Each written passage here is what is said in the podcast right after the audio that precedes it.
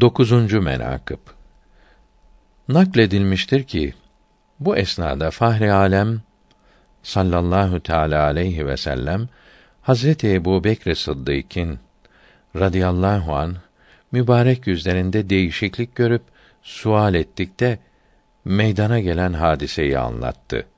Mağarada olan delikleri bir bir tıkayıp lakin cübbe parçası bir deliğe yetmedi. O delikte açık kalmasın diye tabanımı dayamıştım. Bir yılan birkaç defa tabanımı soktu. Ayağımı delikten çekmeye korktum ki o yılan delikten dışarı çıkıp zat-ı şerifine bir elem verip ızdırap eder diye cevap verdi. Resulullah sallallahu teala aleyhi ve sellem onunla benim aramı aç. Bırak çıksın buyurdu.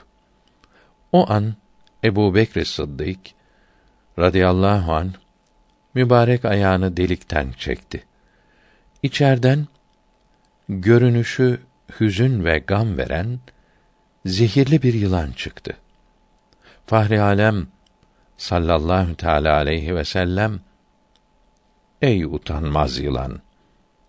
Benim mağara arkadaşımı ve esrarıma vakıf olanı Allahü Teala'dan korkup benden haya etmedin mi?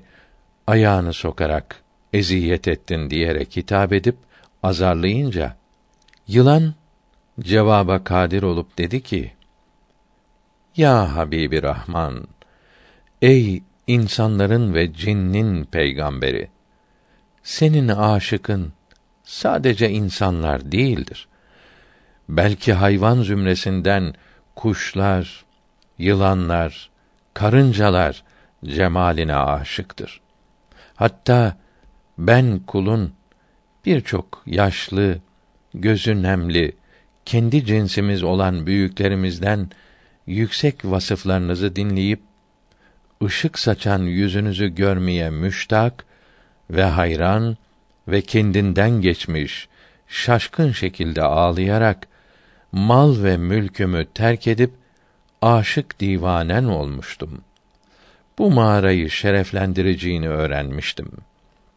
Onun için nice zamandan beri bu sıkıntılı mağarada gece gündüz demeyip yolunuzu bekliyordum. Böylece sizin buraya teşrifiniz ile ayrılık acısına ve içimdeki derde merhem edeyim. Çünkü en mesut bir zamanda bu karanlık mağarada arkadaşın mağaraya girince sabah güneşi gibi zahir olup devlet güneşim doğdu. Ama ne var ki arkadaşın yine perde oldu. Bu sebeple korku ve haya ben kulundan kalkıp zaruri olarak bu küstahlık benden vaki oldu diye özür dileyince Seyyidü's Sekaleyn dünya ve ahirette bulunanların şefaatçisi yılanın küstahane özrünü kabul etti. Hazreti Ebu Bekir'in yarasına mübarek ağızlarının suyundan sürdü, o anda acısı şifa buldu.